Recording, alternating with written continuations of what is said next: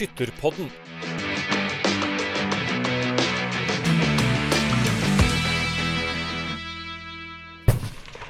Kjære skyttervenner, hjertelig velkommen til en ny episode av eh, Skytterpodden. Årets eh, største skytterfest, landsskytterstevnet, er gjennomført på en fantastisk måte. Og vi tenker at det er naturlig å oppsummere det som skjedde på Voss.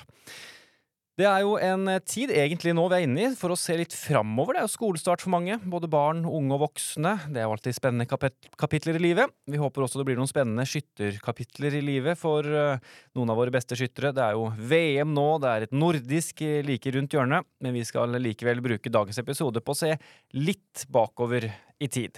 Vi må analysere litt, snakke om hva som gikk bra. Er det forbedringspotensialet? Og selvfølgelig må vi snakke om i hvert fall noen av de mange som imponerte oss den uka LS svarte.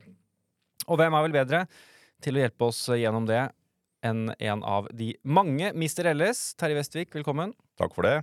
Har du landa nå etter LS? Ja da, jeg landa nå. Det har gått to uker, da. Vi må si det. Det har gått to uker. Ja da, jeg har fått landa nå, og oppsummering er i gang fra LS, ja. Ja, det er veldig bra. Uh, jeg og Terje er ikke her alene, selvfølgelig. Vi har med oss utdanningsansvarlig i DFS også, Ola Fjuk uh, Herje. Ikke helt Mr. LS ennå, kanskje, men nei. du hadde mange oppgaver, du òg, Ja, det er ikke helt herje, nei. Ikke helt Herje. Kommer snart. Kommer snart. Um, har du fått hvilt nå? Ja. Få sove litt. Trengte det. Ja, for jeg, jeg eh, Du sa det her òg, men jeg, jeg tenkte faktisk på det. Fordi sist vi møttes før i dag, var jo på flyplassen i Bergen rett etter Fredag kveld fredag kveld. Mm. Og jeg spurte deg Har du tid til innspilling den 6, nei, denne 16. august, eh, Ola. Ja. Og da så, så du litt sånn tomt ned på telefonen din. Ja, jeg tror ikke du klarte å åpne den engang. Og så sa du bare Du må sende meg en melding, jeg klarer ikke å Du var, var litt, litt fjern, var du. ja, da skal jeg hjem igjen. Det er en intensiv uke. Ja, det, de, det er intensivt. Det er veldig gøy. Det er det. Men det var, nå i år var det ekstra Ja, jeg sov eh, ekstra mye den helga jeg kom hjem. Jeg Gjorde det. det er bra. Så du har også hvilt, da. Godt Jeg nå. har fått hvilt bra. Ja, det. det er godt å høre. Enn du da, Henrik? Jeg vet at du dro jo rett til blink, du. Jeg dro rett til Blinkfestivalen, faktisk, ja. Og var der én dag, da. Det skal riktignok sies. Så det var veldig gøy. Men jeg skal innrømme at når jeg var ferdig lørdag kveld på Blinkfestivalen, så var jeg helt fullstendig skutt, og jeg måtte gå rett og legge meg. Ja. Det er sånn afterski og greier, vet du. Jeg hadde ikke sjans til å være med på noe som helst. Ja. Så det var, det var sove til, å ko- rekke fly hjem dagen etter. Og jeg fikk høre fra Kilda når du har vært på blink, at eh, spikerinnsatsen løfta seg når du kom, Henrik. Og der var du ønsket også på den siste dagen. Det skal vi ha sagt. Det var litt gøy, for jeg snakka med Hans Petter i forrige uke, var det vel, og han eh, lurte på det. Var Henrik på blink òg? Og så sa jeg til ja, det var, jeg, jeg var ikke helt sikker, da, men så, for at han, han lurte på enten så, hø, enten så hadde han bare hørt stemmen din liksom hele LS og trodde det var det, men det var jo deg, da. Det var, Det var ja. det. Man kan jo bli gal av å høre på en stemme hele jeg- LS også. Det kan man. Jeg husker første gangen jeg jobba på Landsskytterstevnet. Så gikk jeg Da var jeg på, ute på arenaen hele tida, for jeg tok bilder og sånn sammen med Tom Vegard i Skytterlydene. Og da hørte jeg Tor Idar liksom, hele dagen, hele dagen, hele dagen. Og når jeg la meg på hotellet den kvelden, lukka jeg øya, så bare hørte jeg Tor Idar inni huet mitt. Sånn der, hva, hva gjør jeg nå? ja, det var Bare gode tanker, det. òg. Altså. ja, Det kan bli ganske intenst hvis du Ja. Nei da, jeg fikk sove da. Men det er, altså det er egentlig ganske interessant, for jeg har tenkt mye på det. Vi prater jo hele dagen i syv dager, og for dem som er mye på arenaen da Klart, mange av de som skyter og er på arenaen, de går litt fram og tilbake, er ikke der hele tiden. Men Ja. de hører oss veldig mye, altså. Ja. Og derfor tenker jeg at det er litt viktig med pauser. Ikke for vår del òg, men for folk der ute, altså. Det er grunnen til at vi har litt pauser, det Dere blir, måte bakgrunns, dere blir liksom lyden av LS. Ja. Stakkars mennesker. Mm. Det går bra. Uh, LS er over, i hvert fall. Det, det kan vi konkludere med. Og det ble jo den folkefesten vi snakket om så mange ganger på Mm. forhånd. eh, og det, et veldig ledende spørsmål, Terje. Har du en god eller dårlig følelse? Veldig god følelse. Jeg synes det var, vi har mange magiske dager. Det var jo bare den søndagen med regn og femteklassingene fikk i felten. Og ellers så var det jo så fint alt i Voss. Så eh, et av tidenes beste landslagsstand har vi vel eh, faktisk konkludert med. Eh, vi kan bli litt sånn Vi husker det siste først, men uh, når vi var på Stjørdal nå, i 2018, så snakka vi vel kanskje om at det var et av eh, Eller kanskje det beste stevnet.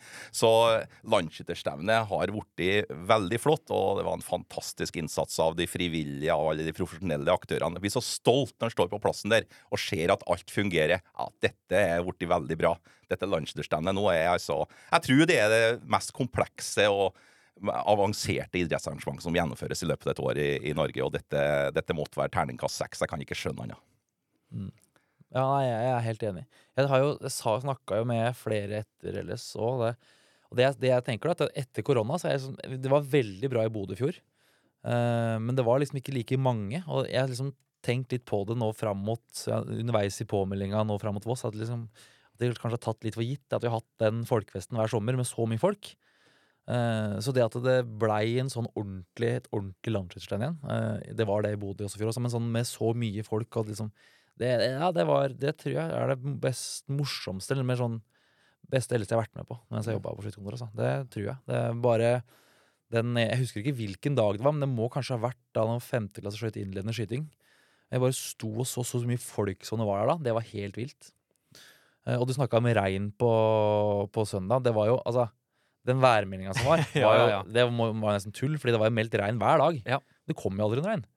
Nei, Det var jo bare den søndagen. Altså det, og det ja, tordenværet som drev ja, det, var, det eldste Alt gikk jo Altså Den sykeste opplevelsen med regn var jo Stang Felturt-finalen. ja, var, Når vi gikk ned fra arenaen, så begynte det å regne. Det hadde ikke regna hele uka. Og så den ene halvannen timen hvor jeg og Hanne og Katrine skulle drive ute der og ta inn de høyttalerne, for det, det er høyttalere på alle feltområdene, da skulle det regne. Så alt blei klissbløtt av høyttalere og pappesker og det, ja. Så, men det var, det var bedre det enn at det regna mens det var skyting. Absolutt. For oss som ikke måtte jobbe Ja. når det var ferdig, så Ja. var det veldig deilig. Ja, altså. ja det, var helt, det var faktisk helt sjukt at det ikke begynte å regne. Eller tordne da. Det var jo Det spraka vel i høyttaleren en gang tror jeg. Ja, ja. ja det tordna litt rundt. Ja, ja, vi ja, hørte det. Ja, ja. Ja, det var noen på himmelen tror jeg, som hadde hånda Ja, over oss. For det- rundt oss så var det jo, det var tordenvær og sånn. Ja. Gikk jo og snakka med Kongsberg-gutta. Går dette bra nå, ikke sant? Eh, Men Ville, den var jo helt rolig, da. Men Ja, den var det- helt rolig. Ikke noe problem. Det går bra. Ikke noe rolig. Så det er veldig Jeg bra. var ikke så rolig, jeg, men den var det. Det var litt deilig egentlig at den var det. Ja, nei, eh, det, er, det, er, det er en fin oppsummering, da, tenker jeg. Og jeg også tenker at eh, jeg storkoste meg i Bodø, tenkte det var et flott LS, og følte på en måte at ja, det er jo en del folk innom arenaen hele Ja, ja, tiden. det var bra i Bodø. altså. Men så ser man jo når det er fort noen, en tusen pluss ekstra, så blir det så mye flere folk hele tiden. Og så bare skyttercampen oppå der. Du Yes. fikk den festivalfølelsen. Ja. Det, Det, ja, det syns jeg var eh, liksom, Når du kjørte ned fra arenaen og gjennom skyttercampen og det, det var liksom folk, Når de var på campen, så da var de like godt på arenaen. Mm. Så det, det var helt, helt nydelig. Så, så overskriften er vel gjennomført til Voss, altså. Ja, det det er eh, imponerende. Ja, det ble nesten sånn på slutten, for at folk leter etter å finne og sette litt fingeren på, ikke sant? Ja, da husker husker de at de Eh. sto litt i kø for å ta ut skytekort. De husker at det var et lang kø i matteltet noen ganger. Men det er ikke det store sammenhengen nå som trekker ned et landsdelsstevne, nei. Nei. Så eh, ja, sånn praktisk for eh, oss som bodde inne i byen, så var det kanskje det at de hadde stengt, stengt matserveringa litt tidlig. Mm. Men da er vi også på små ting. Men det er klart det er viktig for et landsdelsstevne. Og det sånn noe som Steinkjer tar med seg også, og, og vekker byen når vi skal dit nå midt i ferien neste år. Ja, for da blir det en uke tidligere, faktisk, så det er verdt å merke seg. Men uh, jeg regner med Steinkjer her, de har gode kontakter med utelivet der. Ja, de var jo eh, lykkelig til stede også, veldig mange der, så de lærte mye på den uka i Voss. Så det er bare å glede seg. Og kanskje det beste med hele LS-serie, 250 og 350, det overlevde.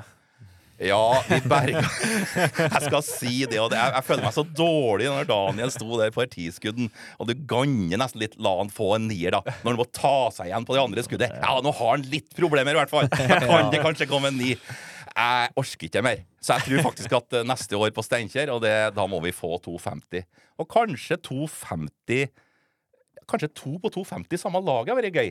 Altså, vi ser jo Ja, det jeg, jeg har ikke tenkt så mye over det med 350 år, men vi så jo nå på landslagsstevnet at det, er jo, det skytes helt vilt rundt omkring. Så det er jo bare et spørsmål om tid. Men når du ser det Daniel vant LS med to poeng eh, det, altså, det er noe med det det vi sagt før. Det blir litt uh, Litt sånn å si Ja, men altså, det er noe spesielt med LS. Det, Ja, uten Ja. tvil. Og, eh, og Daniel også, som banker inn 350 f- flere ganger hvert eneste år. Ja, ja. Så kommer til LS, og så går det ikke der, altså. men det er en helt vill prestasjon å skyte 349 på LS, syns jeg, da. Med kamera på deg, og du kan Ja, ja. prøve. Altså, jeg, eh, jeg, jeg har tenkt på 250 og 350, for det kommer til å bli såpass stort at det må, vi på en måte, det må hylles veldig spesielt. da. Eh, Men så er det den derre den 9,9-eren. Ja, Rasmus i 2019 han hadde vel to 9,9 han ikke det, på liggende på tiskudden, eksempel. Så det er Ja, det hadde Og, og mm, Hans 2004, Bakken, ja, altså, i 2004 var ikke det Ja, da. siste skuddet? Ja, da, så vi, vi har hatt flere så nære opplevelser. ikke sant? Ja, Altså, ja. Til meg Ja, ja, Einar ja. Mathisen som hang med til kneskudd i 2016. ikke sant? Det, det har hatt noen sånne, Men neste år så kommer jeg til å kjenne på den roa. Nå må vi bare få det, og gjerne to ganger. Som vi altså hadde i 1998, da det var første gang vært skutt 150. Da hadde vi to på samme laget. Geir Magne Rolland og Tor Erik Fossli. Var det første Kanskje gangen? får vi igjen. Ja, det var første gang. Ah. Og Geir Magne Rolland har fortsatt den beste 15-skudden med 150 med 12 sentrum. Og det var han bort til meg under LS og fortalte. Lykkelig en gang til. Jeg har fortsatt den beste 15-skudden, Terje. Nå er jo V55-skytter. Ja. 150 med 12, ja, det skal jobbes. eh, 50 med 5 på Skal så, jobbes med det, men vi hadde nesten trodd noen hadde mer, men men jeg skal ikke Nei. Nope. nei. Um, ok, da er det det vi må ha, en sånn liten uoffisiell personlig kåring. Største høydepunkt på LS. Du får begynne, Terje. Jeg begynner. Jeg skulle jo kanskje vært sånn politisk korrekt og tenkt hva som sånn personlig da var litt stort. Å møte tre statsråd, da, ikke sant? Tenk deg det at vi hadde tre statsråd på LLS. Det, var jo, det viser jo arrangementets eh, betydning når vi har det. Både beredskap, justisminister, kulturminister og forsvarsminister var der. Litt ulike perioder, litt ulik lengde, men det, er jo, det setter jo en veldig ramme for stevnet. Mm. Men de blir altså slått av Lars Emil Haugen. Skytterprinsen fra intet, må jeg nesten si. Ja. Jo da, han er god til å skyte Lars Emil, men at det fortsatt går an å bli skytterprins eh, og het Lars Emil Haugen, det gjør meg litt at, tror- at mange kan ha trua, da. For han er jo litt sånn 342-341. Ja, jeg tror han har 343 kanskje i fjor i Bodø, eller 342. Han hatt de siste tre åra, tror jeg. Det, er ja. LS-innsatsen hans. Men det er så langt fram til å bli skytterprins og 347. Og jeg må ta historien. Marit Arnstad, denne kjente stortingspolitikeren fra Senterpartiet og Mm. parlamentarisk leder osv., hun sa til meg i 2018 på våren, før landsdelstrener på Stjørdal Terje, jeg var på Stortinget, så kom hun bort. Terje, jeg har trua på Lars Emil Haugen. Og da sa jeg til Marit det er veldig fint at du har trua på Lars Emil Haugen som skytterkonge, men tiden for Lars Emil Haugen som skytterkonge er forbi.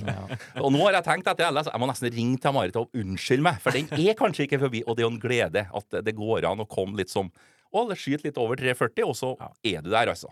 Lars Emil, denne barytonsaksofonisten i er Sa- Skafrika osv. En herlig fyr. Så det var mitt personlige høydepunkt. Og når han til og med i oppropsteltet kalte på meg før eh, kongelaget, og så sa han Terje, det er noe gæli. Så tenkte jeg er det noe gæli? Det må jeg jo ta tak i. Jeg er ikke nervøs. Jeg kommer til å bli nervøs når jeg kommer inn på det.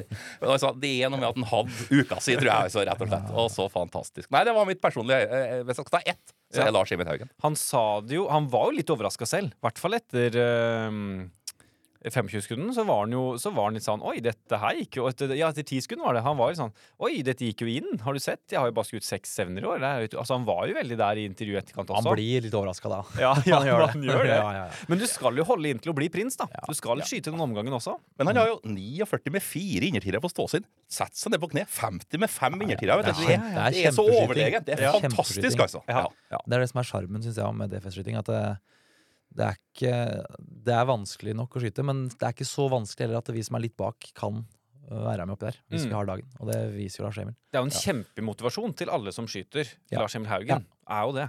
Det går faktisk an å kjempe om konge- kongetittelen på LS uten at du legger ned hele livet på skyting. Ja, for kongelaget er én ting, ikke sant? men det å være helt der oppe nå, Yes. det, det er så mange gode. Det høres ja. ut som at han ikke har skutt noen ting for det, men han har jo sannsynligvis brukt massevis av tid på Absolutt. skyting tidligere. Men det er jo sånn som det er med mange, at det kommer perioder i livet hvor man ikke får skutt så mye. Men det ligger jo bak der fortsatt, da. Det gjør det. Automatikk. Mm. Absolutt. Ditt Og, det, Ja, nei, og dette var ikke for å dra ned Daniel Sørli, som ble skytterkongen. Nei, Det var nei, liksom for å hylle da, Lars Emil fra, for å, med den prestasjonen. Ja. Absolutt. Og du, Ola? Du, du spurte jo før vi skal ha sending her, liksom, hva var høydepunktet mitt fra LS. Og jeg, jeg, hva jeg sa jeg husker ingenting fra LS. Jeg var der, jeg har vært der i var der ti dager, men jeg var som regel satt inne i en standplasslederbu eller eh, Men det, de ting jeg husker, da jeg, det, det, To av dem involverer deg, eh, Henrik. Og det ene er den derre quiz-quiz-annonseringa. Uh, jeg kommer ut fra standplass, tar av meg hørselene, og så går jeg rett bak scenen her, og så plutselig bare er all, all volum fra dere på maks, tydeligvis, da, på en sang der. Så jeg bare Jeg fikk rett inn i øra. Og så var det den Da var det derre quiz-tid! Da var det quiz-tid. få med Det fikk alle med seg. Og så var det den derre uh, Arnulf fra Finnmark der som du ikke klarte å si navn til. Arnulf Losvar, ja. Ja, Jeg sa vel det. Arnfull? Arnfull. Du sa Arnfull. mange var Ja, ja, mange, det varianter. Nei da, så, så Takk. Ja. Nei, men det var jo det vært et høydepunkt, da? Ja, det, jeg syns det er bunnpunktene dere snakker om. Ikke Ja, her jeg hva er hva som stakk seg fram. Det var de to, men det var kanskje fordi det var du som spurte, Henrik. Men så var det jo Ja, kongelaget også. Jeg hadde jo litt annen rolle enn ellers i år, for jeg har jo vært på grovfelt som regel. I år var det baneskyting. Så jeg var jo litt ekstra spent før kongelaget, for jeg hadde jo en finger med i spillet der, og det var litt deilig på, mange, på flere måter når Daniel vant, for da var, liksom, det var vi ferdig, og det hadde gått veldig bra. Eh, Men det var også veldig gøy at Daniel vant. Det var på en måte min lille favoritt, egentlig. Nå, skjøter, nå skyter ikke han for Urskog lenger, men han er jo en litt Urskog-skytter for det. Som han var det i fjor. Vi så Og det på vei. Har du sett på TV-bildet etterpå? Nei. Fordi det, er, det ble vist at du gikk bort og ga en high five på vei ut der. Ja, for jeg gjorde det. Ja, Ja, ja, for det husker jeg ikke. Jeg sa det. Jeg kommenterte til og med. Ja, ja, ja. ja, ja, jeg måtte det. Nei, så det ja. Måten han gjorde det på, tror jeg du skulle til å si. For ja, ja, måten han gjorde det på. Altså 341 ting, men han knuser dem, de andre. Mm. Rett og slett. Mm. Og det er ikke liksom, og han har full kontroll. Det er ikke noe Det er dønn gjennom Det er ordentlig solid skyting. Mm. Men jeg syns nå vi skal gå rett over på den andre store tittelen. da, At eh, Tor Arnfinn Homme ble Ja. feltmester for Anja og tok den andre kongepokalen. Og tre ganger eh, feltmester nå og tangert eh, Edvin Aamodt. Men igjen, dette er den neste Lars Emil Haugen-historien. Hvem trodde at Hedda Lone Tveit skulle bli nummer to? Det, jeg vil si det også. Det, jo da, det hun er kjempegod. Har skutt godt uh, feltskyting og alt det der. Vinner HV-cupen felt. Og, ja, vinner er felt, men likevel et navn ja. som måte er Ja, ja, ja, up and coming, da, ikke sant? ja, ja. Så Du eh, er jo 17 år bare òg, ja. Ja. Og Kjersti Fagerlund nummer tre også, ikke ja. sant? Så det, er, det var noe, noe til Tønnjum og Tørum. Også det er noe med å få de nye navnene opp, da, og det er jo kjempehyggelig. Eh, om at de kommer etter nå, da, og er feltskyttere. Så eh, men magisk, dette der Det har liksom vært en del snakk om det, at det er, liksom, ja, det er ikke feltskyting på LSO, men du ser det, det er jo feltskyttere som vinner. Det, det er jo, dette er jo skyttere som satser felt. Absolutt. Så Og at det kommer opp nye, og Ja, damer veldig som er eldre juniorer og satser på den feltskytinga, det er veldig hyggelig. Ja. To Og- og kvinner på lykkes. pallen i felt. Altså. Morsomt. Det er er det første gangen. Terje? Den tar jeg ikke i Nei, hodet. Nei, for det var det jeg satt og tenkte på det samme. Jeg måtte gå gjennom Anne Kristin Overskog. Ja, Nei, jeg på husker ikke. Ja, men Nei, ja. Jeg er enig. Jeg snakka med uh, Tor Arnfinn i går, og da sa jeg det. At det liksom, du tar bare kongepokalen. Ja, altså, han hadde ikke noen planer om å ende neste år, men nesten var jeg Men i Ja, for det er vel da i 25, da. Ja. Ja. så da, neste år så var det ikke så nøye. Men nå, skal vi se. 25, da var han på igjen. Da var på da ja. satser vi på en fjerde, da, tenker jeg. Å, ja, det er gøy. Um, mitt høydepunkt Eller jeg, jeg klarte egentlig ikke å jeg har også liksom, Du har jo nevnt et par-tre her, du da, Ola. Så kan jeg gjøre det òg, føler jeg. For jeg hadde to. Jeg, eh, litt sånn, ehm, det blir litt statistikkprega, men også fordi jeg er fra Østfold. Fordi jeg syns det var veldig morsomt at Degernes vant i en seniorklasse for første gang på 70 år. Da de vant felthurtin med Espen Glosli. Ja. Det var gøy, altså. Som du sier, den er sterk. Den, Ja, den er syns jeg, den syns jeg er sterk. Og nok en gang gøy. Altså, han skyter jo bare felthurtig, nesten. Det Ja, er det. en felthurtskyter. Det er en fortjent seier, sånn sett. Ja. Det var gøy at den som satser veldig på det, vant. Ja, veldig gøy. Og så var det morsomt at vi oppnådde 400 poeng på samlagsskyting for veteraner. Med Telemark, som også vinner for første gang i historien. Med Per Christian Aas på siste etappe. Og han er altså så rolig. Bare sånn Jeg, jeg var ikke så nervøs, jeg. Det gikk Nei. ganske greit, det her. Hadde, han hadde bra kontroll. Det var to han var usikker på. Det var en 10,0 og 10,1. Resten hadde han god, god kål på. Det Men- syns jeg var Men var det første gang med 400? Første gang på 400 er første gang med 400. på, på veteraner. Ja, det, aldri, Med, med når det var fire etapper, altså. det aldri Så, da. åpenbart. Ja, men det er bra. Det står respekt av. Det syns jeg var ganske gøy. Mm. Så det er liksom to av mine favoritter. I tillegg til alt det andre morsomme som skjedde, selvfølgelig. Ja. Så vi fikk jo ganske verdige vinnere, vi har nevnt det nå. Men før vi går litt dypere inn i det her, så vi, vi må Jeg vet at ikke du vil det, Terje, men vi må snakke litt om skytinga deres. For dere skjøt jo begge to. Mm. Um, vi kan godt hoppe over banen Terje, hvis du ikke vil snakke om det. Det ligger jo der ute. Bare minn meg på det. Åssen var det? Ja, jeg, jeg måtte se i klasse fem. eh, Jeg så jo klasse fem. Det var en del som skjøt dårligere enn meg i klasse fem på stående-serien. Så det må jeg jo si, det er jo artig å ha noen bak seg. Og tidligere skytterkonge så jeg også. Jeg vet ikke om jeg skal en gang nevne navn. da. Ja. Jo, det, ja. Tor Arne, ja. Ja, Tor Arne Solbakken Det ble litt tøft, ikke så det ut verdens beste ståserie. Men altså, det, er, det, er, altså, det er litt morsomt å se nederst. Gjør det, da. Før, 22 poeng, var det ikke en i klasse 5 som hadde 22 Ja. poeng på stående? vi hadde jo tidligere på skytterkontoret en sånn egen liste etter LS som vi ikke visste noen, heller ikke spiker, og det var denne såkalte sprekkpokalen. Altså mest poeng forskjell på ligg og stå. Ja. Eh, Det er fra ligg til stå, og det kan jeg nok sikkert være med på noen ganger. Ja, tror jeg. Så nei, baneskytinga kan, du- kan du hoppe over den? Jeg kan hoppe over den. Ola fikk jo beger i klasse fem. Det er jo Ja, pent. ja. Ja. ja, jeg kan hoppe over den. Det kan kan si at du er veldig jevn, for du kom nesten på samme plassering på bane og stang.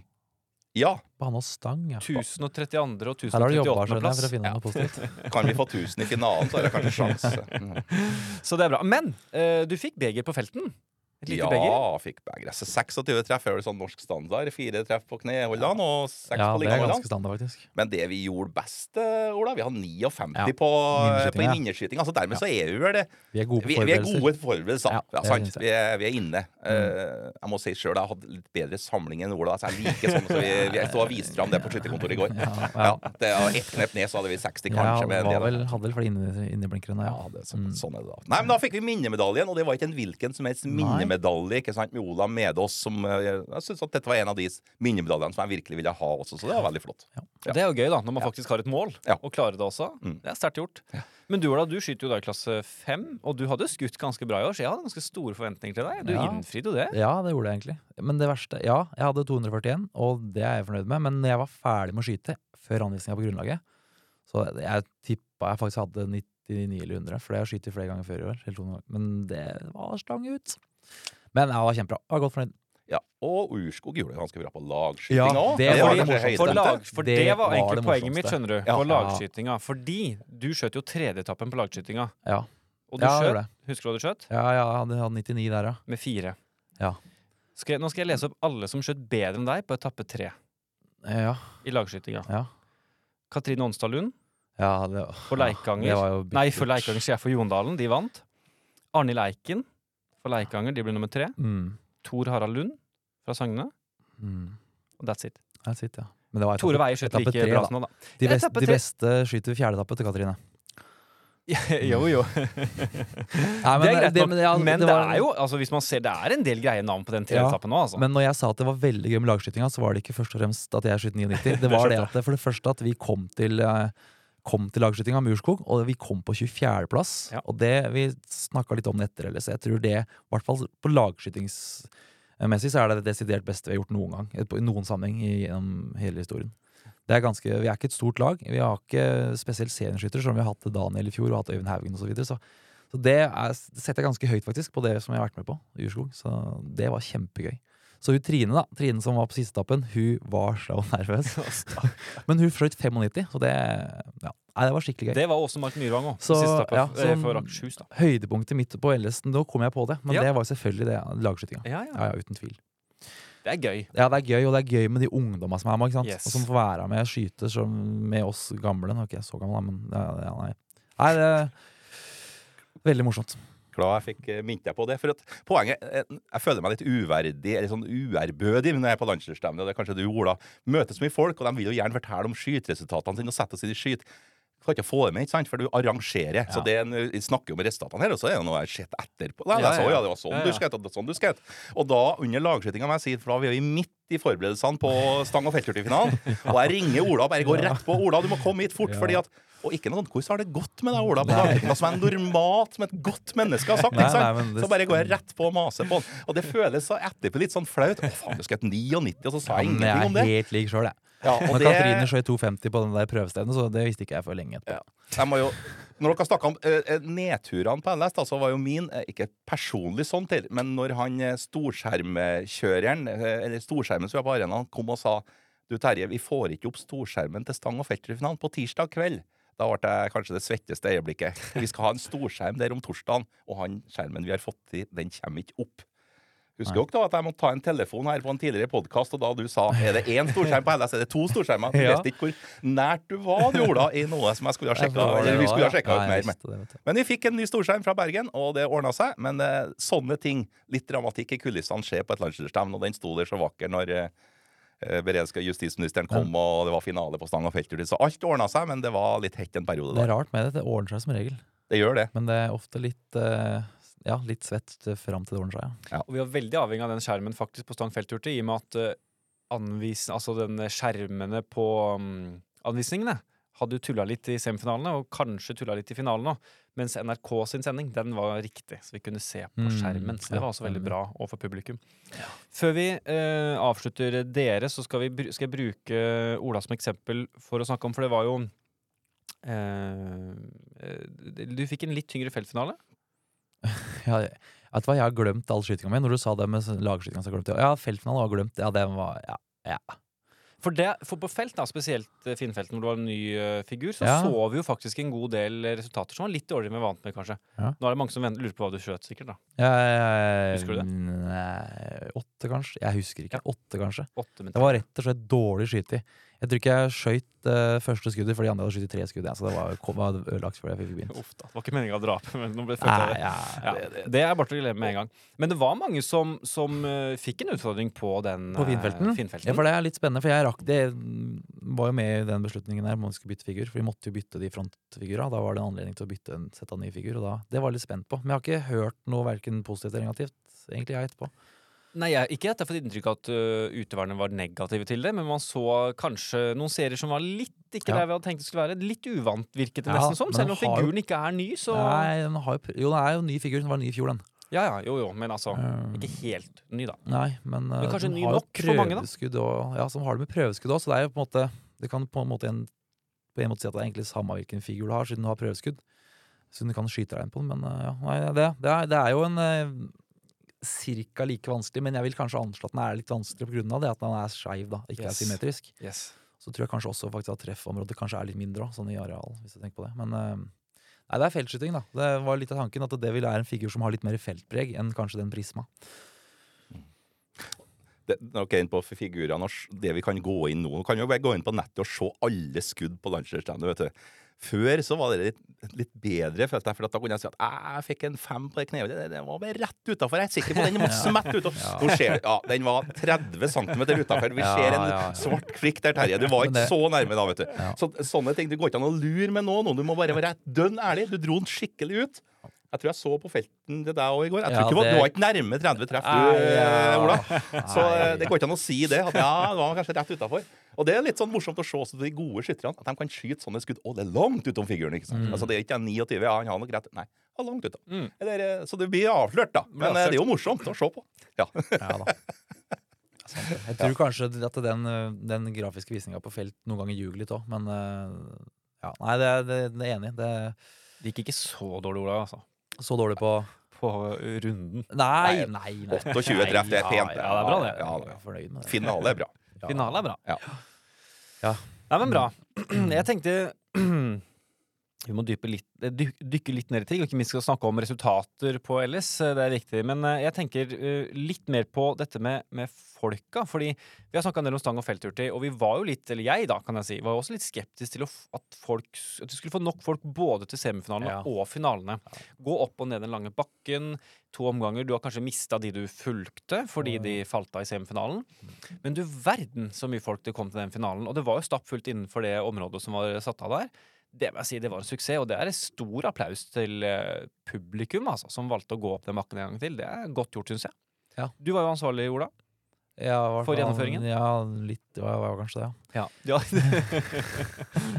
ja altså, Du jeg, har jeg, jeg glemt det også. Ha, den ansvarlige var å se lagskyting, kan jeg si. Det da, var det, det var det det, sånn det var? Nei, Nei, jeg, jeg merka meg det med publikum på den ene semifinalen. Fordi jeg, vi hadde vel kanskje tenkt at det skulle være bare de som skøyt, nesten. Men det, nei, det, ja, kjempebra. Det er jo akkurat den der stang- og feltutfinalen er jo mm, Det er jo veldig show. Eh, og så må man se på at neste år, vi har jo snakka litt om det, hvordan man gjør det med en semifinalen.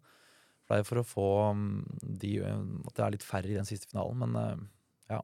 Nei, jeg det er, ja, folkefest. Vi har jo snakket om at Når vi snakker, er rundt på kurs og snakker om landsskytterstevne, og vi har, altså, liksom snakker om et som en folkefest, men i år var det en folkefest. Mm. Det var det. Mm. Og den stang- og feltutfinalen var det, altså. Så ja. Ja, og, det, og det var jo en suksess, dette med å få skogsløp også inne på arenaen. Mm. I pausen der. Og, Ja. Så det var mye bra. Men, eh, men det som en Ola sier, vi er diskuterer litt kabal, etterpå. Eller kabalen her, for den er, den er krevende. Men vi fikk jo til noe i Voss. Så vi får se på gjennomføring og tidsplan osv. når vi, vi kommer til Steinkjer. Men det er noe med dere semifinale, finale, ut og inn, og hvem som kommer dit. Og Mm. militært og, og sivilt, altså. Men, men det du sier, publikum var til stede, og det er vi evig takknemlige. Jeg husker hvordan det var i 2012. Mm. Da var det det siste som skjedde på landslagsstevnet, og det var veldig glissent når du Mm. ser TV-bildene fra 2012. altså. Ja. Så, eh, så alt var ikke bedre før heller, da, når vi er kritiske til oss sjøl. Jeg tror vi opplever noen av de beste landslagsstevnene gjennom historien nå, så det, det, det var veldig fin, den stemninga. Og vi var heldige med været, ikke minst. da. Hadde jo begynt å styrtregne eh, under eh, skogsløpet, så hadde det sikkert vært helt færre, mye færre folk som har orka å dra dit. Ja, garantert, vil jeg tro. ja. Vi må snakke om et par ting som Eller kan vi si ting som skal evalueres, da, eh, i etterkant. Og eh, holdt på å si på egne vegne, nær sagt. Men det ble jo en del prat om spesielt samlagsskyting for ungdom underveis der, som jo var lagt samtidig med ungdomslag, eh, kongelag, altså onsdag kveld. Som fikk kanskje litt lite oppmerksomhet underveis, før siste laget, som jo fikk fullt fokus. Og det var jo lagt opp til det må vi jo si da, lagt opp til at det skulle være en pause før siste laget, slik at det skulle få fokus i en pause der eh, på, på 200-meterskytinga. Um, ok, Vi fikk kanskje ikke nevnt de så ofte som vi burde. Det skal vi ta med i evalueringen. Um, så er spørsmålet uh, Formålet var vel at det skulle være masse, folk på arenaen når ungdommene skjøt. Um, første tanker, eh, Terje, uten at du skal utlevere alt her og nå, i og med at det skal evalueres. Men var det en feilvurdering? Nei, jeg tror vi må begynne med det positive. At jeg er ganske sikker på at vi ikke har hatt så mange folk på en, et kongelag tidligere for TV-sendingene.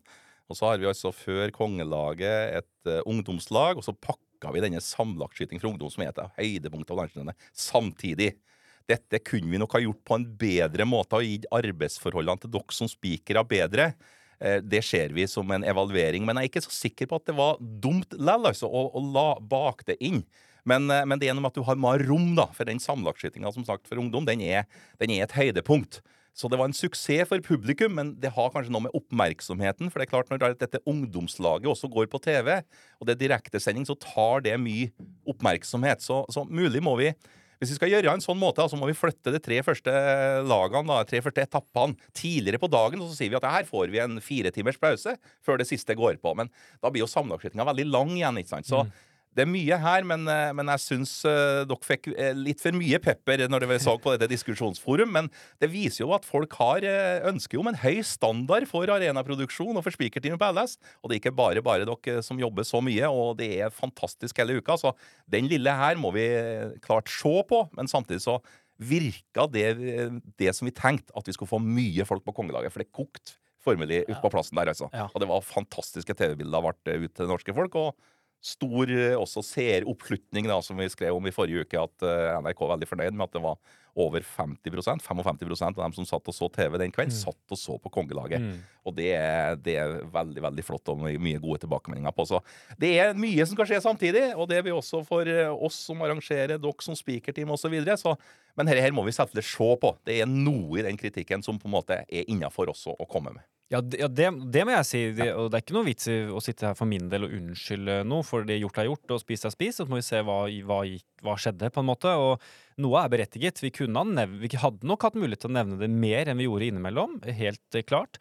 Men det er som du sier, vi er litt avhengig av å følge NRK sin sending. Det er litt sånn det er lagt opp til. Og så, eh, så ble det sånn denne gangen, og det så må vi jo forstått beklage de som føler at det ikke ble sett, da. Men eh, det må vi løse på en bedre måte kanskje neste år. Det er ikke noe tvil om. Ikke noe, vi hadde ikke glemt det må jeg si, Vi hadde ikke glemt Samlagsskyting for ungdom. Vi, vi, vi fulgte med på det som skjedde så godt vi kunne underveis. vi altså. Men det er noe med det å få det ut som ikke alltid er så lett i alt som skjer hele tiden. Så det, Sånn er livet. Men evalueringer er viktig. da. Så det er, hvordan kan vi bli bedre? Og som du sier, alt var ikke nødvendigvis bedre før, så kanskje det blir enda bedre på Steinkjer neste år. Absolutt. Så evalueringa er i full gang, og den skal vi ta. Og det å sette opp en tidsplan på LS er kompliserte saker. Å tenke på alt som skal, skal foregå, stablinger og forhold til publikum og skyttere og alt det der. Så nei da, vi gjør så godt vi kan, og den der er jo en av de tingene vi tar med oss videre. Ja. Ja, det med tidstabellen på LSI Jeg er ikke noe involvert i det noe særlig, men det er Det er nesten en umulig kabal å få det gå opp. Så det er egentlig all ære til eh, Terje og Geir spesielt som sitter med det. For det, det er en tanke bak alt der, og du skal få, du skal få gjennomført alt det her i løpet av eh, et stevne. Og det er folk som skal skyte i flere klasser, og det er folk som Eller delta på flere øvelser. Det er folk som skal være med i den finalen og løpe skogsløp samtidig. Og ja, det der er ikke lett, altså. Det, det er mye hensyn som tas. Så Ja, og så har vi premieseremonier òg inni der, som man ofte glemmer at det skal deles ut. Og det er Ja. ganske De kan vare en stund også, noen av dem. Åpningsseremonier er da det er, det er så mye. Så ja. Men vi har fått én bedre arbeidsbetingelse i å sette opp tidsplan. Det er komplekst, som du sier, Ola, men det er nå at vi altså to ganger, to år på rad nå, uten omskyting på LS. Ja, at vi har fått den ja. nye omskytingsregelen som fortsatt er en prøveordning. Og når vi skal nå evaluere og se om vi skal innføre det også på andre stevner, det blir opp til teknisk sportlig utvalg og, og skytterstyret og, og se på den rangeringsregelen. Men jeg syns den fungerer godt, altså. Og det går an å snakke om rettferdighet hit og sånn og sånn, men jeg syns at det er også en god aksept. Det var vel et par stykker nå som kom bortåt meg og sa Terje, hvorfor har dere slutta med omskytinga? Det er jo det som er morsomt. Omskytinga. Men det er ikke bestandig, og nå er jeg kanskje uærbødig, å se en omskyting i V73 om en tredjeplass. Det kan dra ut kvelden og miste litt tid, altså, som vi ellers skulle ha brukt til noe annet. Så, eh, så jeg syns det, det, det er et godt grep, og det gjør at du kan nå vite mer hvor lenge varer en finale. Mm. For tidligere måtte du ta sånn høyde for ting da hele tida. Kunne det bli én omskyting, kunne det bli to omskytinger osv. Ja, Nå veit du jo, nå vet du jo før en finale, Så fort alle er ferdig med skyteinnledende, så veit du jo når vi kan bli omskyting eller ikke. For Mm. du bare ser på rangert lista. Er det to som er delt på en plass, så kan de teorien bli omskyting. Mm. Hvis det er ingen som er delt, så nei, da blir det ikke omskyting. I år var vel ingen delt inn i en finale Ja, og, av, av siste lag. Nei, det kan nok stemme. Det lurer på kanskje var i rekruttklassen men ja, for vi sjekka det. Fulgte meg litt. Ja, okay, ja. eh, ja mul det er mulig, det, altså. Ja. Så, men uh, utgangspunktet er at det skjer mye sjeldnere. Og, for, og for min del, altså, som ikke har jeg, jeg skjønner at for dem som har skutt hele sitt liv, som er lenger enn mitt liv, og har både um, omskyting i hodet og regler og rangeringsregler i hodet, syns det kan også noen ganger kanskje være urettferdig med de reglene vi har nå, men for en som meg, som skal prøve å holde oversikt over det som skjer hele tiden, og det vet jo dere som følger med, at man kan bomme selv da, mye enklere med de rangeringsreglene som også er nå for å unngå omskyting. Med poengsum og innertiere opp mot det som er før. Lett å ha oversikt. Lett eller lettere å ha oversikt, lettere og vite hva som skal til for å gå inn i ledelsen. Og det er en ganske stor befrielse for meg. Jeg har følt i år at jeg hadde mye bedre kontroll på det som skjedde, enn f.eks. i fjor, hvor det også var ulike rangeringsregler da, Ja, ja. på de ulike um, Du- eh, standplassene. Du kan jo si det sånn at du trenger egentlig ikke å vite hva rangeringsreglene er. Du bare Nei. ser på resultatlista før finalen at det, her er det ingen som er like. Så, så da veit du at det, da er han rangert bedre enn den andre. Og så- får de som har vært best innledningsvis, en bitte, bitte liten fordel, da, som jeg tror folk har en god aksept for. Ja. Og ellers likhet, så, så går de videre. og Nei, jeg tror dere har blitt en, en fin sak, men nå er jo ikke vi som skal bestemme Ola. Men det blir, det blir på en måte nå da en evaluering, og, og spørsmål om du skal gjøre det også på alle andre stevner. For jeg hører jo om eh, stevner ellers, landsdelskretsstevner, som på en måte også blir litt hefta med i forhold til premieutdeling av verdige avslutningsseremonier. For at det foregår omskytinger som drar så mye til tid at folk heller velger å dra hjem istedenfor å få med premieutdelinga. Så det har jo, henger jo også sammen med premieutdelinga, som du sa. ikke sant? Få verdighet i dem.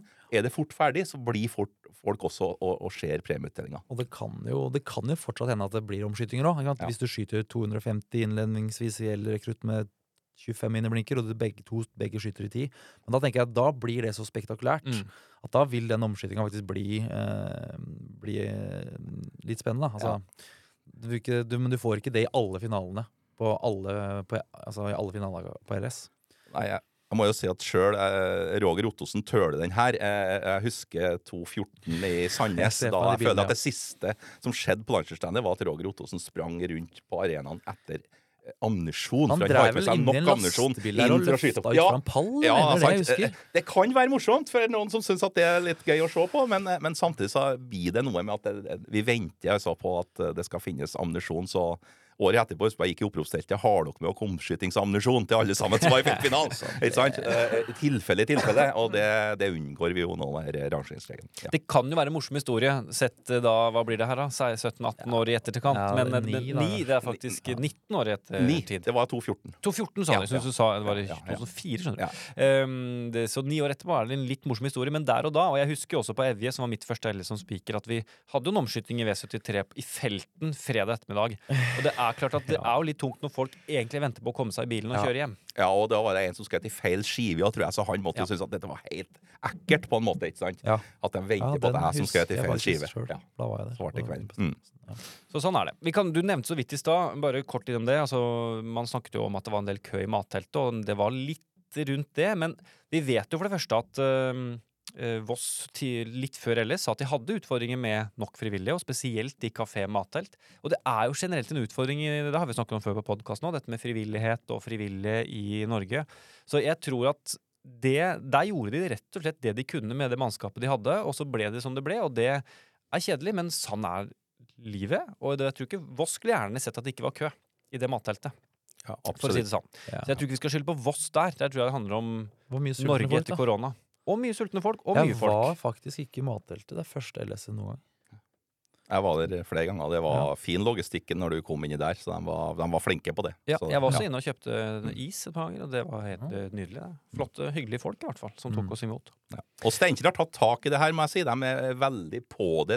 Tidlig kanskje var Voss også litt seine med å liksom ta tak i det. Så ikke helt det problemet med at oi, vi får ikke frivillige nok. Men Steinkjer er veldig på ballen. Og nå var det Steinkjermarten her i helga som jeg var på. Da hadde de egen stand, og de haia inn alle sammen til å være med på landslagsstandet for Steinkjer neste år. Altså, de er offensive. Det tyder godt. Det er som vi snakket om, eh, har snakka om mange ganger, egentlig, at det er jo de arrangørene Eller når, når arrangøren skjønner det at landsskytterstedene Det er ikke å gjennomføre skytingene, men det er alt det rundt. Det er da ofte at det blir, eh, blir bra. Fordi det sportslige det går som regel sin gang uansett.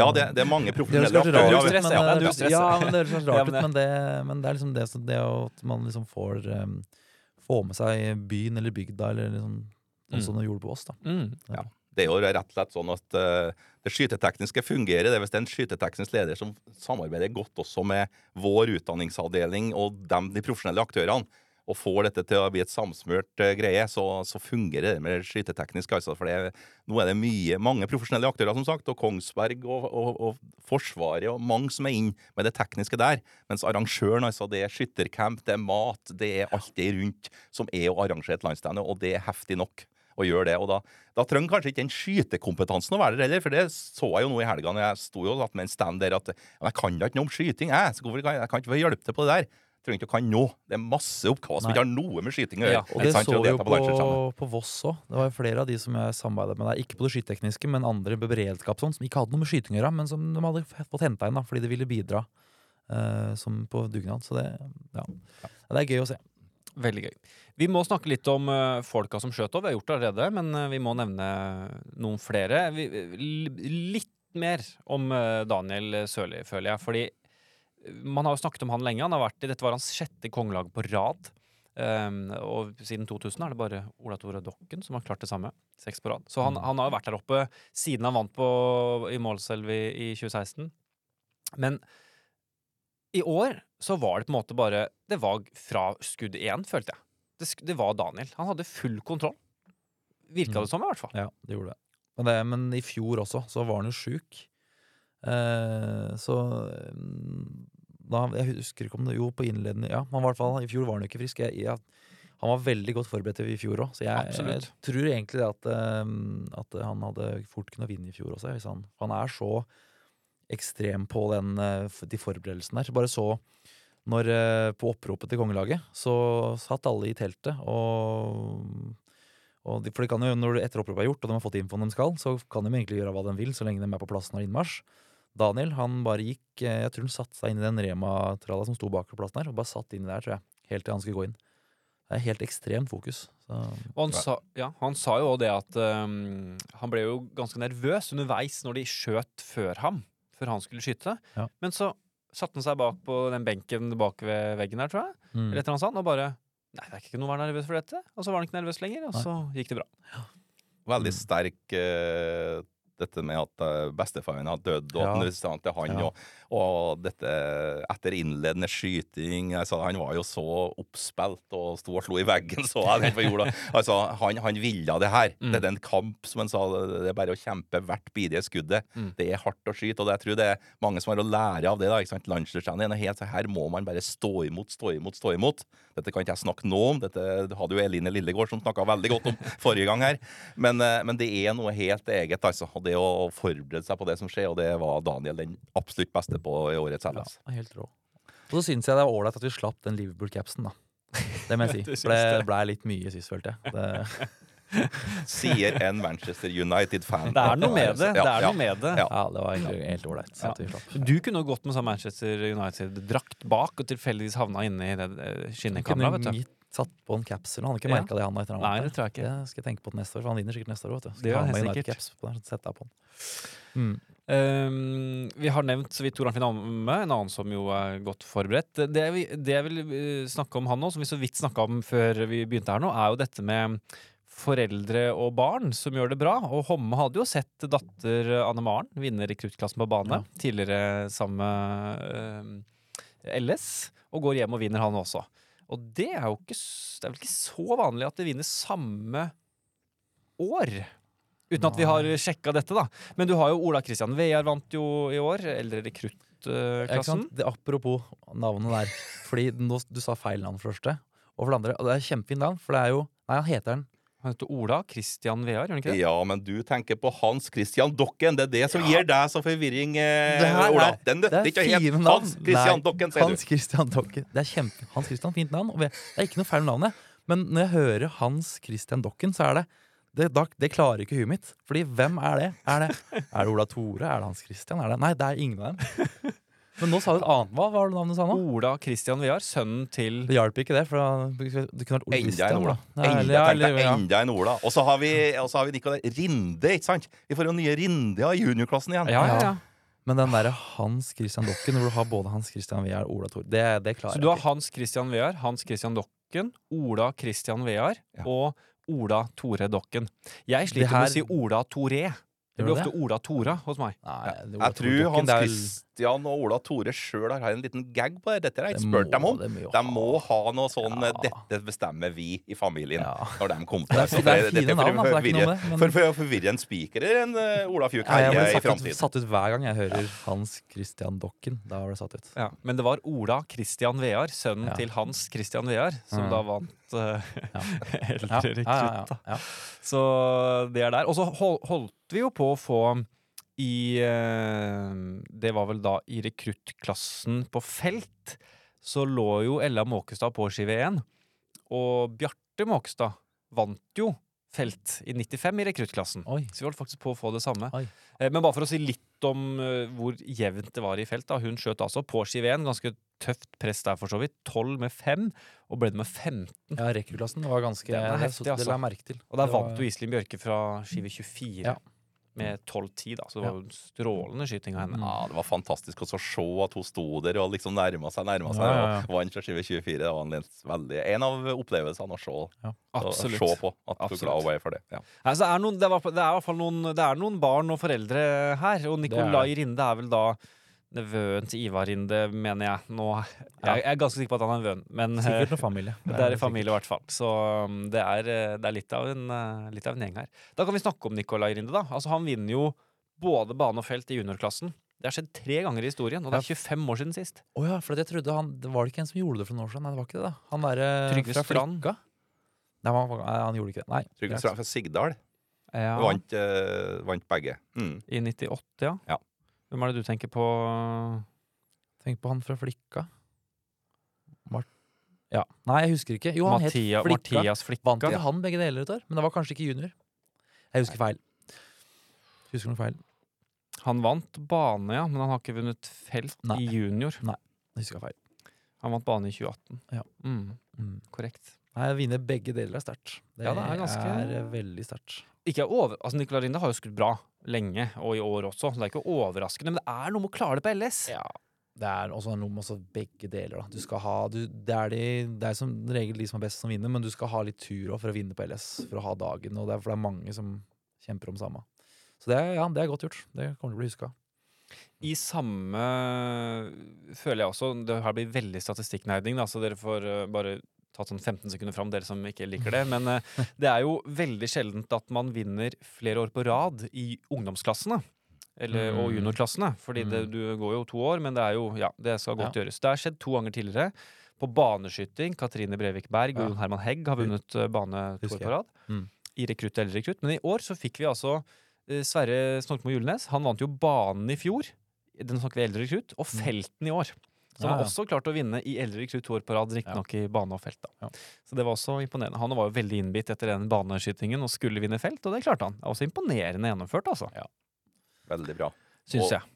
Og det er jo fint når du følger med på de ungdommene, så kan du bare om, Du kan regne med om en uh, 10-15 år, så er de der i senior også. Ja, noen De av dem er det som sånn, noen kanskje Ja. ikke ja. noe fra. men Ja, det er noen som kanskje også slutter med skyting. Ikke Mm. sant? Altså, de er ferdig med det de uh, har skulle gjøre. Jeg tror han Trygve Strand som snakka om Sigdal, jeg vet ikke om han driver og skyter lenger. Så du har opplevd ganske mye. Jeg er usikker. Og han var vel et ganske stort talent òg? Ja, han var vel veldig talent. god? Ja. Ja. Katrine Brevik Berg òg var jo Absolutt. veldig god i ungdomsklassene. Og Men det er skerpe folk, stort sett, og disse gode skytterne. Så de er også flinke i skolen, flinke til mye annet, så de kan at de velger noe annet i livet. Det er helt uforståelig for oss, men eh, det går an å leve et liv uten å være i skyttersporten, selv om man hadde en fin rekrutt juniorkarriere. Men det er klart, har de foreldre som har gjort noe foran dem, så blir de kanskje ekstra inspirert. da. mm. Så når vi heter Vear og Dokken og alt de navnene som vi snakker om her, så kan jeg at, og Homme, så kan jeg at de føler en forpliktelse til å henge med og skal liksom leve opp til noen foreldre. Hans Christian Dokken, da må du bli skytterkonge, da. Ja, det er jo ikke. Det er jo veldig Det har vel Nå får du korrigere meg, Terje, men det er vel bare skjedd én gang i historien at uh, en far, som du har vært hittil, da, og barn har blitt skytterkonge. Ja. Det er bare Ese-familien som har klart det. Nei, det har, vi har én Nei, det til. er øh, Vi har én til. Den kan du tenke på til en annen gang. Og det var denne skytterkongen som vi hadde i 1907. vet du. Ah, Mathias Glomnes, ja. Ja, og så vant den Sverre Glomnes, Sverre da. Glomnes I 1934, mm. mener jeg det var. Mm. Nei da, men vi, det er mye nerding nå. Ja. Men jeg vil trekke fram én juniorklasse til, og det er eldre junior. For vi snakket mye om underveis at det er en tøff klasse i år. Flere landslagsskyttere, rifleskyttere da, selvfølgelig, Mm. er jo med der. Eh, tøff konkurranse. Og så er det ingen av de som vinner. Det er Helene Reigstad som vinner fra Balestrand. ja. Fra Balestrand, da. Skytterbygda framfor noen, kan Ja. vi kanskje si. Uh, jeg intervjua jo Helene faktisk på Norgescupen på Gjøvik, og hun var veldig tydelig på at hun skulle jo trene masse mot LS, og sommeren skulle hun legge ned skikkelig innsats. Og hun gjør det og vinner. Det syns jeg faktisk var gøy. Veldig gøy. Hun slår landslagsutøverne. Men det skal sies, det ble skutt på 3.47. Altså hun skjøt 3.47, de gjorde også nummer to og tre. Og det er første gang i eldre junior, som er en ganske ny klasse da, på LS-sammenheng siden 2017, det er skutt 3.47. Så nivået er jo skyhøyt. Altså, Likevel. Ja, det så vi på nå. Er det nordisk snart, som vi nevnte i stad. Det er- Mm. er jo med å ta ut laget der, ungdomslaget også. Og vi ser jo det på de eldre juniorskytterne. At det nivået der har vel virkelig tatt seg opp. Det Mm. er, eh, det er kanskje ikke så rart heller, for det er som du sier en ganske ny klasse, men det, der begynner det å bli veldig mange gode. Så det er veldig gøy å se. Den klassen får helt åpenbart mer status også. I starten så var det kanskje mange som valgte å hoppe over den, men nå er det Ja, der er det mange gode, så det er gøy å se det. Det er tydelig at den klassen faktisk har en, har en effekt, da, i hvert fall for de som ønsker å bli litt gode. Nå hopper jo heller folk over juniorklassen for å gå rett Mm. til eldre junior. Mm. Det ser man Ja. Synnøve Berg har gjort det, Karolin Finstad Lund har vel gjort Ja. det, for eksempel. Dette er jo noen av Norges beste ungeskyttere òg, Ja da. Ja da. skal Det er sies. det unntaket, på en måte, men ja. Ja. Nei, det, det, jeg har lagt merke til at eldre juniorklassen er steinhardt nivå. Og det kan jo igjen, eh, som du sier, da. Det er mange av disse vi kommer til å se mest sannsynlig i i mange år framover, og kunne være med å kjempe om de største titlene nå, vil jeg tro. Mm. Mm.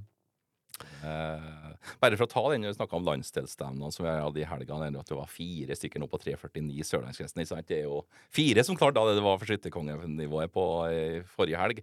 Det er helt imponerende. Så jeg tror så Mai Elin Frøyland som var nummer 17 på landsdelskretsen på 244. Altså, det er samme nesten som på et landsdelsstevne med de 15 beste, ikke sant? Én ting er de fire beste, Ja. ja. ting er de fire beste, men det er faktisk eh, alle altså det er, Nivået der er jo helt vilt. Mm. Ja, så Nei, veldig, veldig bra. Og jeg syns også det var veldig morsomt med at Pål Eivind Ørmen endelig vant en banetittel, ikke sant, som han holdt på så mange år med også. Mm. Som er en feltskytter, da, så vinner han disse baneskytinga med 3,48, og han mislyktes vel på landslagsstevnet. Jeg tror han har 2,38 eller noe sånt der, ikke sant. Så Ja. en kom og nå og, og var der igjen, da. Så Ja. det er jo hyggelig.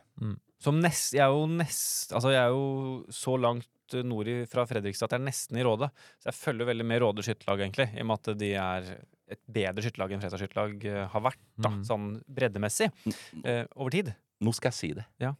Kanskje var det et sånn eh, mantra nå. Det var Line Rødland og Pål Eivind Ørmen. Line Rødland vant jo Sørlandskrets til slutt. Kanskje det er dem som går bort og skyter 2,50 i samme laget. Jeg tror jeg skal sette dem i samme laget neste år. Det har vært en herlig greie. To så fine. En ung nervøs. demi Ja, nå ble han kanskje veldig nervøs, så nå fikk han ikke til det. Helt sikkert ikke. Nei, det å nevne navn som er skummelt, men nei, jo, jeg tror jeg tror Ja, ja. Jeg jeg har håper, jeg har alltid troa på, på Løyvind, jeg. ja, og han vant faktisk Norgescupen på Steinkjer, tror jeg sist det var Norgescup der. ja. Med 3,49. Ja. Så han er like banen på Steinkjer. Jeg er nærme nå her nå, føler jeg. Ja, ja, ja, ja. Mm. Han vant jo offiserspokalen i Bodø, så han har jo Ja, ja, ja. startet å bli bedre på banen også, så ja. Nei, Det var vel det som du sier, Pål Even Jørgen blir ikke skytterkonge neste år. Beklager at vi snakker om det. Så nå prøver vi å ta det ned igjen, ja. Ja, Han tåler det. Han liker det. Ja, det er bra. Jeg vil også, vi må innom bredden, fordi jeg syns vi må snakke litt om klasse to.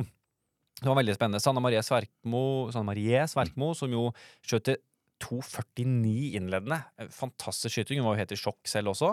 Klarer å forsvare, da. Men hun måtte vel ha 97 med 4. Hun skjøt vel 97 med 4 i finalen. Vi får to stykk på 3,46. Og det er andre gang på ti år det er skutt 3,46 i klasse 2. Mm. Så et høyt nivå også i klasse 2. Er ikke det veldig gøy? Veldig gøy, og veldig mange deltakere i klasse Ja, 2. det det, også, det også. Og det er jo en av de klassene som det vi snakka om nå. ikke sant? Klasse 2 og mesterskap, og nå skal vi ha en ny klassestruktur. Hva er dette med ligg og kne? Skal vi blande? Skal vi ha V55? Altså, Det er noe særegent med klasse 2. Altså. Så det er blitt en liten en fin gjeng da, Mhm. som skyter i klasse 2 og det mesterskapet der. Men det, det er jo til diskusjon. altså Hva, hva gjør vi videre med det? Men det, det er mange fine folk i den klasse 2 som trives med å skyte ligg og kne. da. Ja. Det, det er en greie. Ja, det det var ja. kjempeflott. Ja, det skjønner jeg. Og det er det som skal, nå, i hvert fall i voksen alder eh, Hvis du har begynt å skyte som voksen, kanskje, da, så skal du begynne å skyte eh, kne, det er én ting, men det å begynne å gå på å skyte stående, det er utfordrende, altså. Både med tanke på rygg og Men også, ja. Så jeg, jeg skjønner det at det, det, klasse 2 appellerer til mange. Det gjør jeg. Ja, for det er jo den andre veien. At hvis man ikke klarer å skyte stående, og man ikke har blitt 55, Ja, ja. hva skal Ja, man gjøre da? Nei, ja, ja. Nei, altså, det, det å klare å skyte stående Ja, men altså, ryggen, da. Hvis ryggen har låst deg, ja. at du har Ja, sånne ting. Nei, er Jeg møtte en, jeg må innrømme nå, og dette er fordi jeg ikke husker hvem det var, som sa at han eh, Det var en han, men eh, jeg beklager til vedkommende, eh, som jeg ikke husker navnet på i farta. Jeg husker ikke hvem det var heller, men samme det. Som sa det, at han slet en del med ryggen, og det var på kanten Han han klarte å skyte stående. Men han sa jeg kan jo tross alt skyte eh, V55, så det er ikke noe stress for meg. Nei. Eh, og eventuelt gå ned, da. Ja, jeg har skyttere i laget mitt som når de rykka opp til klasse 3, tror jeg det var, som sa at nei, nå har jeg lagt opp til jeg er V55. Å ja, ja, ikke sant? Ja, nettopp. Neida. Altså, det er- gøy å se, og det, det er jo et signal også, det at den klassen er såpass populær, kan jo være et signal også på det at folk liker å skyte like nok ned. At det er sånn nok utfordring. Mm. For det er tre forskjellige stillinger når du er en voksen seniorsskytter kanskje bare trener en én gang i uka. Så det, ja, det, de som er gode på å skyte stående, de har lagt ned mye tid på det. Mm. Nei, Nå skal vi ikke snakke klassestrukturen. Nei, vi er kommer tilbake. Det er faktisk fort utvalg helt på med dere. Men det er noe, noe, noe interessant med sånne ting. Å, jeg vil ta med det med Sandavann. Ja, litt morsomt. Mm. Eh, Wenche, da, som var skytterprinsesse i 1987. Og så var vi så vidt innom før sending her. Eh, litt synd på Willy Sverkmo, da, som da, som da er gift eller samboer med eh, Wenche Sverkmo. Og at han var nære da med å vinne, som har vært kanskje årets Odd Kolsrud, skal vi nesten kalle den Ja, det kan vi kalle Ja, det. Kan vi sant? kalle Det er årets Odd Kolsrud. Var det Med 20 skutt så ganger? mye i har skutt innertiere, ikke 350 eller noe sånt. Ja, Helt, helt vilt, ja. vilt det Willy Ja. Sverkmo har gjort i år. Ja. Så jeg syns synd på Willy Sverkmo egentlig ved 65-klassen, Ja, som ikke lyktes til å vinne, da. Jeg håper han hadde gode opplevelser på Ellis likevel. Det får vi håpe. absolutt. Um, det var jo uh, um, du- For du snakker om klasse 2 V55, da. Det er jo, som, det er jo ikke alle som vil begynne i V55. Får du inntrykk av. Det er liksom nedtur med å begynne i V55. Og jeg har fått inntrykk av at uh, Ivar Rinde var litt den typen at det var litt kjedelig å skulle i V55. Motivasjonen var ikke helt på topp. Går hjem og vinner feltskyting, for eksempel. Det er jo bra. Og det er viktig at man kan finne motivasjon i de klassene man, uh, man skyter i òg. Ja. Ja. Men jeg, jeg, jeg tror kanskje det var enda mer nedtur for folk å gå i V- V55 før. Det har blitt litt sånn eliteklasse. Nå ser du det er mange gode skyttere som sikkert kunne faktisk hevda seg nesten litt i klasse 5, som skyter V55 nå. Så, så det er blitt en sånn eh, det, Nivået i V55 er jo veldig høyt. Veldig, veldig høyt. Er. Veldig prestisjefylt der også. En ser det at det betyr mye Ja. å, å vinne V55. Og, og Roger Ottosen likte nok ikke at han gikk på en eh, Han ønska nok å vinne den tittelen, det Ja, så du lyst ut av han. Og han har jo kanskje vært den beste skytteren også i år, så det, det, det, det betyr noe å, Ja. å være oppi der. Begge disse er skyttere som kunne sikkert hevda seg i klasse 5 òg. Så det, når den da går i klasse V55, så ja. Det er, det er nivå den klassen her òg, altså. Det, det er det. Sånne artige anekdoter. Jeg så Per Johan Jølga, som jeg tror han havna på 2,48. Eller hadde han 2,49? Eh, 2,48, tror jeg. Han skrev 5-10 Jeg tror han på åtte skudd hatt 7-10-0. Det er liksom sånn morsomt på LS. Da har du tur. Da er det inn. Da går det inn, han begynte med fem-ti nullere på, på kne. På kne på tiskudden. Og det er sånne ting som man ønsker seg på et LS, da. Det er forskjellen på 243 og 248. Det, er, det og det. er sånne, det er sånne små øyeblikk man får. Altså, når jeg ser på resultatet. Oi, så artig det var! liksom. Og det, er jo, det skjer jo det, Men du hører jo mest snakk om disse 9-9-erne. Alle skal jo poeng til Ja, dem. Men ja, de sier ikke at de hadde 5-10-0 på rad. Men på, uh, Jølga sjøl syntes at det var litt morsomt. Det mye- Og det var det at de satt rundt. Vet du. De satt det i det. samla. Ja, i rundt Ja, ja, ja. 10-0 er god som gull, 4000 4000 skyter, så det er mye morsom skyting som skjer. Hvis du har tid til å sette deg ned og se litt og hva folk har gjort. Det er mye rart som har skjedd, og som ikke kan forklare seg alltid heller. Og så er det noen ganger Det er noen ganger vi ser den morsomme skytingen underveis, men det er kanskje ikke så morsomt der og da, så vi velger å ikke kommentere det. Nei. Det må vi si fra Ja, ja. spikertjenestens side. Ja, ja, At uh, ja. det, er ikke, det som kan virke morsomt, er kanskje ikke så gøy når du står der og Nei da. Altså, 10,0 er morsomt. Men Ja. 9,9 for eksempel Ja, et eller annet annet morsomt er ikke så gøy. alltid. Nei. Tida flyr altså voldsomt når vi koser oss i studio. Det er ikke noe tvil om det, så vi må egentlig begynne å runde av, selv om vi knapt nok har grafset i overflaten av um, LS uh, i år. Uh, vi kan jo runde av med V73, da. Erik Jødahl, som vinner for andre år på rad. Og blir da den syvende som vinner minst to titler i V73-klassen på bane. Så det, det er sterkt av Erik Jødahl. Han også var grei for Jono Skei òg, da. Vi må nevne han som vant felten. Han skjøt jo nesten bare innertiere på LS. Og så fikk han en bom på samlagsskyting som gjorde at Inn-Trøndelag ønska seg å bli ned i første laget på 400 poeng. Men så spørs det da eh, om de tre andre på laget hadde skutt 100 hvis de ikke han hadde bommen. Det kan ha vært noe med nerver der. Men eh, jeg synes Han var nok veldig iren på å vinne denne tit- da når han hadde fått denne bommen. Og Ola måtte ha en prat, men eh, skjønte jeg etterpå også at eh, han har forståelse for det. Og kanskje skutt et skudd for lite. Hva som har skjedd, det har vi jo ikke. Men vi fant altså ikke noe feil på skiva, og dermed så ble det ni skudd. Mm. Mm. Det var, men derfor så var det så bra at han vant den felten. Absolutt. Følte det var liksom en oppreisning for Det var det eh, siste Jon. han sa også etter at jeg var ferdig å prate med, at jeg får ta dem på banen, sånn. Ja. Eller ta dem inn der, ja. Og vi har jo én til, for å nevne en sånn, litt sånn uheldig situasjon av Helge Elvebakk, som også har vært en av de skarpeste i hele år. Som da skjøt akkurat etter stand, så fikk han ikke 2,40 med 23 innertier eller noe sånt. Da. Mm. Det er også bittert på et landslagsstevne. Men så skjer det jo der òg, Ja. der du ikke har rutinen for å lade opp et skudd til, og du blir litt, kanskje litt mer Litt mer oppi det enn på et vanlig stevne. det har skjedd før det. Ja. det skjer, nei, om ikke hvert år, så skjer det alltid at noen har 2,40 med skudd for lite. Sånn. Ja. Det, det er LS. LS. Det er det. LS er LS, men 2023-LS det er faktisk over. Det 123. i rekken eh, var det faktisk. Eh, Så det, det er historie. Det er et nytt et neste år i Steinkjer. En uke tidligere pga. OL. Så vi håper at vi får minst like mange dit, at det blir en minst like stor folkefest. Nå vet vi hva vi kan få til, og vi må jo klare å kopiere dette framover nå. Mm. Ja, ja, ja. Det er, ikke bare, det, er ikke, det er ikke bare til å knipse, men vi må håpe at vi får til det. Det er litt jobb som skal legges ned, ja. Det er jobb skal legges ned. Og da må jeg si, akkurat i dag har vi laget ut en eh, annonse på arrangementskonsulent. Et Mhm. toårig vikariat på skytterkontoret. Ja. Og jeg vil anbefale alle som er glad i arrangementene og det arrangementet, å søke på den jobben. Da får de altså jobbe sammen med Ola Fjuk Herje. Oi, For en det- ære! Oi, oi. Så søk i vei! Dette er frist til 12. september vi setter. Søk i vei. Ja, og da er det jo å jobbe på med, med tett opp mot landsskytterstevnet, Norgescup, eh, NM, skifelt, skogsløp, alle arrangementene vi har. Så du får jobbe med meg, da, blant annet. Jeg veit ikke om det er så gøy som det Terje sa, men eh, meg og Katrine Onstad Lund og Hanne Thoresen, vi jobber på den av- avdelinga. Så anbefaler jeg egentlig alle som, som Terje sier, som liker å jobbe med arrangementer og eventer og sånn, og som har skytterbakgrunn, DFS-bakgrunn. Det er bare å søke. Så er det eh, foreløpig da en toårig prosjektstilling, eller et vikariat der, ja. Så det blir veldig spennende. Det er en ny stil. Vi har aldri hatt noen som har jobba med arrangement på den måten der. Så ja, det blir veldig spennende å se hvem vi får med på laget vårt. Søk i vei. Søk i vei. ja. Lykke til med det. Jo, takk.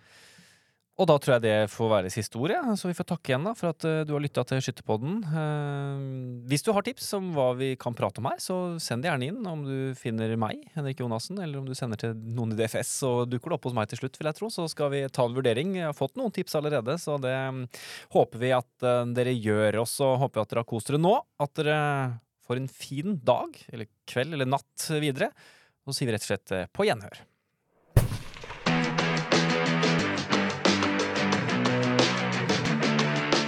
Skytterpodden